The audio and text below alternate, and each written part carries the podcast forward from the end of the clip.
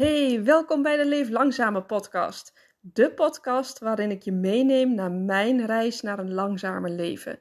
Ik deel mijn ups en mijn downs met je op zowel persoonlijk als businessvlak. En ik hoop van harte dat jij ook geïnspireerd raakt om jouw dromen na te jagen en te gaan leven op jouw persoonlijke voorwaarden. Laten we starten. Hey, leuk dat je er weer bent. Ik zat te denken over een onderwerp van een podcast en dan ga ik meestal nadenken over wat mij nou op dit moment het meest bezighoudt. Of waar ik veel vragen over heb gekregen van, uh, van jullie. En een van de meest opvallende dingen die mij net te binnen schoot, was dat eigenlijk er best wel veel vragen binnenkomen over onze recreatiewoning, waarvan wij vandaag de sleutel hebben gekregen. Echt super tof. En uh, we noemen het nu uh, de Lodge. Want uh, degene waarvan we gekocht hebben, de eigenaar van het park, die uh, appte mij gisteren dat vandaag dus de Lodge opgeleverd zal worden. Ik denk, wauw, dat is een mooie naam. Want we hadden eigenlijk ook helemaal geen goede naam voor. Is het nou een hutje? Is het een huisje? Is het een. Um, ja, wat is het eigenlijk? Een pied-à-terre? We hadden geen idee hoe we het echt goed zouden kunnen noemen. Maar een lodge, dat dekt wel de lading. Maar die hebben we vandaag dus opgeleverd gekregen. En zoals je misschien al wel op Insta hebt gezien, is die echt super gaaf. En ik denk, hoe leuk is het om je mee te nemen in ja, wat wij eigenlijk allemaal doen en hoe we het vooral doen. Want ik hoor ook wel uh, tussen de regels door, lees ik van dat mensen zich toch wel afvragen waar doen ze het allemaal van en hoe doen ze dat toch financieel? Ja, dat is natuurlijk een hele grote vraag. En het is heel interessant om natuurlijk bij andere mensen een beetje in de portemonnee te kunnen kijken. Dus ik denk, nou, maar aan de andere kant ligt er ook een taboe op. En ik ben open, eerlijk en zo transparant mogelijk. Dus ik denk, ik ga er gewoon een podcast over opnemen. Ik ga je dus in deze podcast vertellen waar wij het allemaal van doen. En hoe wij dan ook nog zo'n relaxed leven kunnen hebben. Nou, ehm, ten eerste is, wij hebben dus die, uh, die lodge gekocht. En dat zien wij dus ook als een stukje investering voor de toekomst. Ik heb vorig jaar heb ik een hele gave cursus gedaan van IBA over hoe je kan investeren in vastgoed met je overwaarde van je huidige woning. Ik heb daar inmiddels best wel wat kennis over vergaard. Ik had ook bijna een bedrijfspand aangekocht. Op het laatste moment niet gedaan, omdat wij gaan emigreren naar Spanje.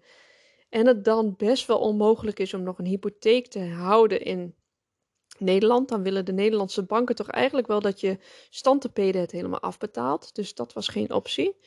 Maar we hadden nog wel geld op de bank om te investeren in een, uh, in een recreatiewoning. En dat geld is afkomstig van mijn aandelen. Ik heb um, mijn aandelen verkocht van mijn vorige bedrijf en dat heeft wat uh, geld opgeleverd. En ik wil dat graag investeren omdat ik heel erg geloof in FIRE. Financial Early um, and Retire. Uh, nou, ik, ik, kom er niet eens uit. Ik kom niet eens uit, uit het acroniem. Maar FIRE staat er dus in ieder geval voor. Ik leg het gewoon uit aan je dat je gewoon uh, nu investeert. En dat je daardoor op een vroege leeftijd al met pensioen kan. Ik vind het echt fantastisch. Maar daardoor heb je, daarvoor heb je dus wel een passieve inkomstenstroom nodig. En daar heb ik ook heel veel kennis over vergaard. Op wat voor manieren je eigenlijk allemaal passieve inkomstenstromen kan vergaren. En een van die dingen is dus vastgoed. Vastgoed is heel erg stabiel. Ook al is er nu op de vastgoedmarkt best wel veel gaande. En probeert de overheid echt dat wel aan, uh, uh, aan banden te huppelepup.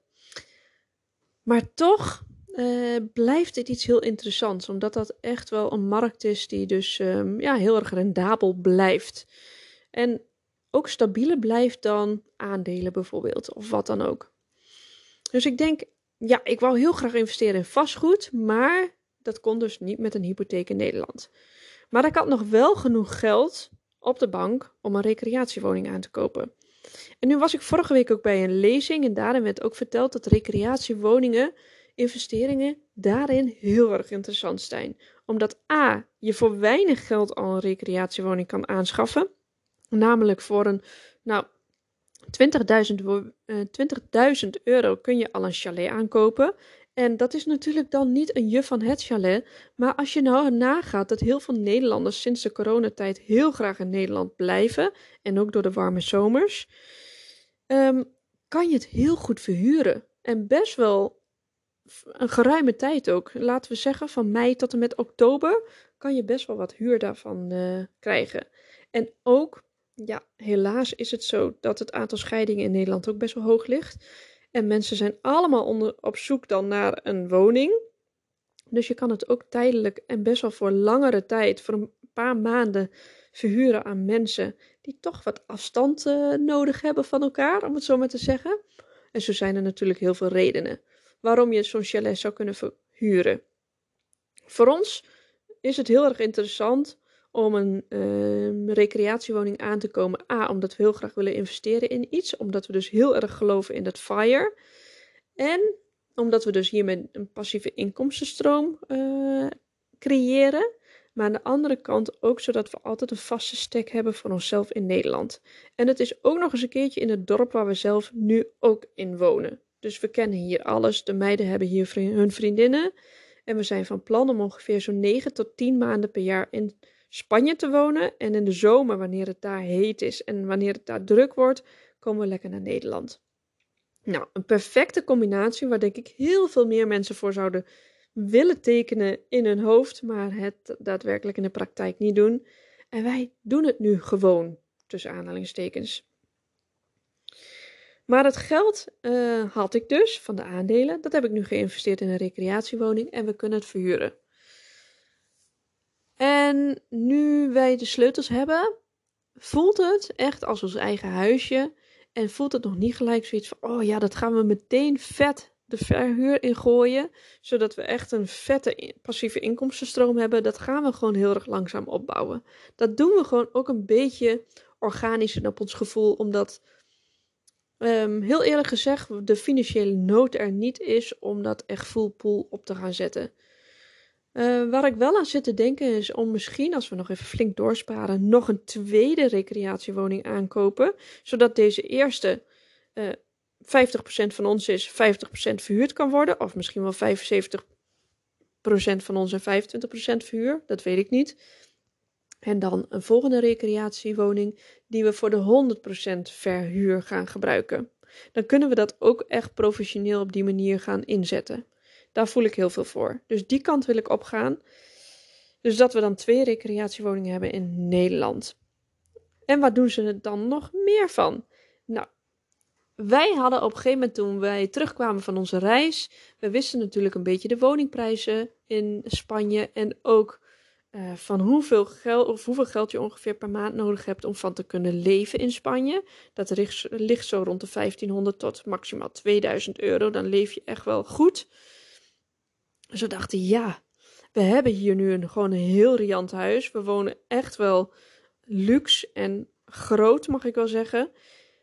Maar als ik er nou een deal voor je van maak, zo gingen we met elkaar aan het praten. Als ik er nou een deal voor je maak, dat um, je verkoopt dit huis en van die overwaarde kun je in het buitenland, in Spanje dus, hypotheekvrij wonen. En dan heb je alleen nog maar geld nodig om van te leven. Dus die 2000 euro. Maar nu hier in Nederland, onze hypotheek is op dit moment 2000 euro.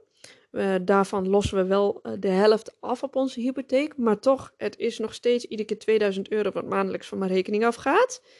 En dan heb ik ook nog een paar duizend euro nodig om van te leven. Dus dan gaat eigenlijk door de verhuizing gaat er de helft af. En dan hebben we ook nog eens een keertje een paar ton van overwaarde op onze uh, bank over. Dat zeg ik even verkeerd. Er gaat natuurlijk wel een paar ton naar een huis daar. Maar als we ons een beetje inhouden, dan hoop ik dat er misschien nog wel een ton overblijft. Ja, een ton. Nou, een ton is echt mega veel geld. Dat hebben we dan gewoon op onze rekening staan. En daarmee kunnen we weer gaan investeren in bijvoorbeeld een recreatiewoning in Nederland.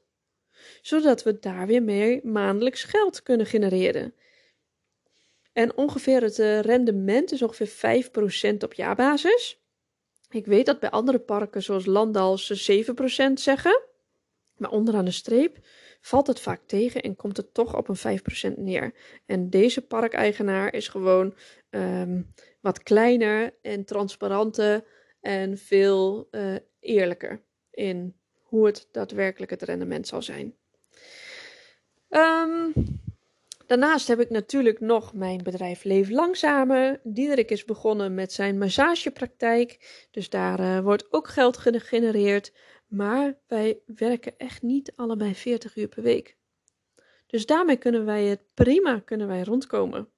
Wij gaan ook niet elke week uit eten, laat staan eigenlijk elke maand. We bestellen niet vaak eten, want er wordt hier toch niet bezorgd in het kleine dorp hier. Dus dat scheelt ook. Boodschappen doen wij bijna altijd um, bij verschillende winkels. Diederik vindt het echt helemaal geweldig om verschillende winkels af te gaan en alleen maar uh, artikelen te kopen die in de reclame of de bonus zijn. Dus wij eten eigenlijk ook altijd alleen maar groente, wat, groente en fruit wat allemaal in de bonus is. Dus ook heel erg seizoensgebonden eten we. Dus zo proberen we ook een beetje, um, ja, echt een beetje die oude, wat, ouderwetse manier van leven vast te houden. We eten geen vlees. Nou, kan je vertellen, dat scheelt heel veel geld. Maar daardoor investeren we wel meer geld per week in groente en in fruit. Maar daar worden we alleen maar blij en gelukkig van en gezond. Maar dat scheelt echt wel een hele hoop als je dat deel weglaat. Um, ja, hoe doen we het dan nog meer? Ja, wij, wij doen gewoon geen grote mega aankopen. Nee, wij zijn niet van het heel erg geld uitgeven. Wij, uh, ik zou ook niet zeggen dat we sober leven. Want als ik, zoals vandaag, ben ik met Elske schoenen gaan kopen. En dan had ze twee paar die ze heel erg leuk vond. En dan koop ik ook gewoon die twee paar.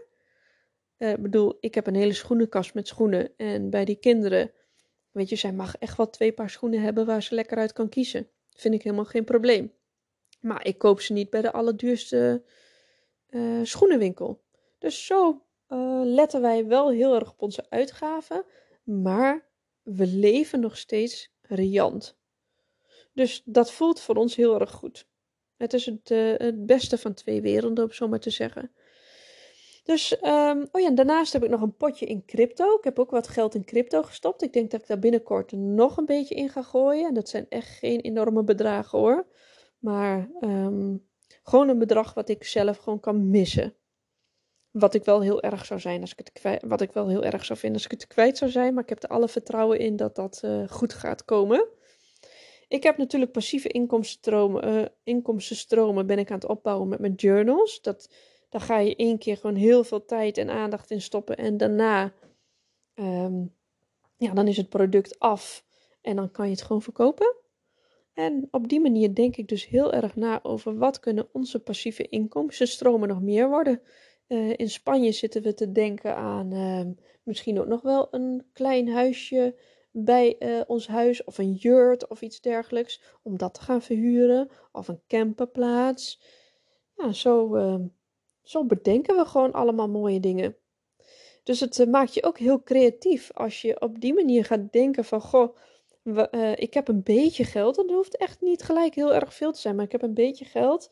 Hoe kan ik dat op een slimme manier investeren in plaats van dat het op de bank blijft staan, zodat ik er meer geld uithaal op de wat langere termijn als dat er nu op de bank staat.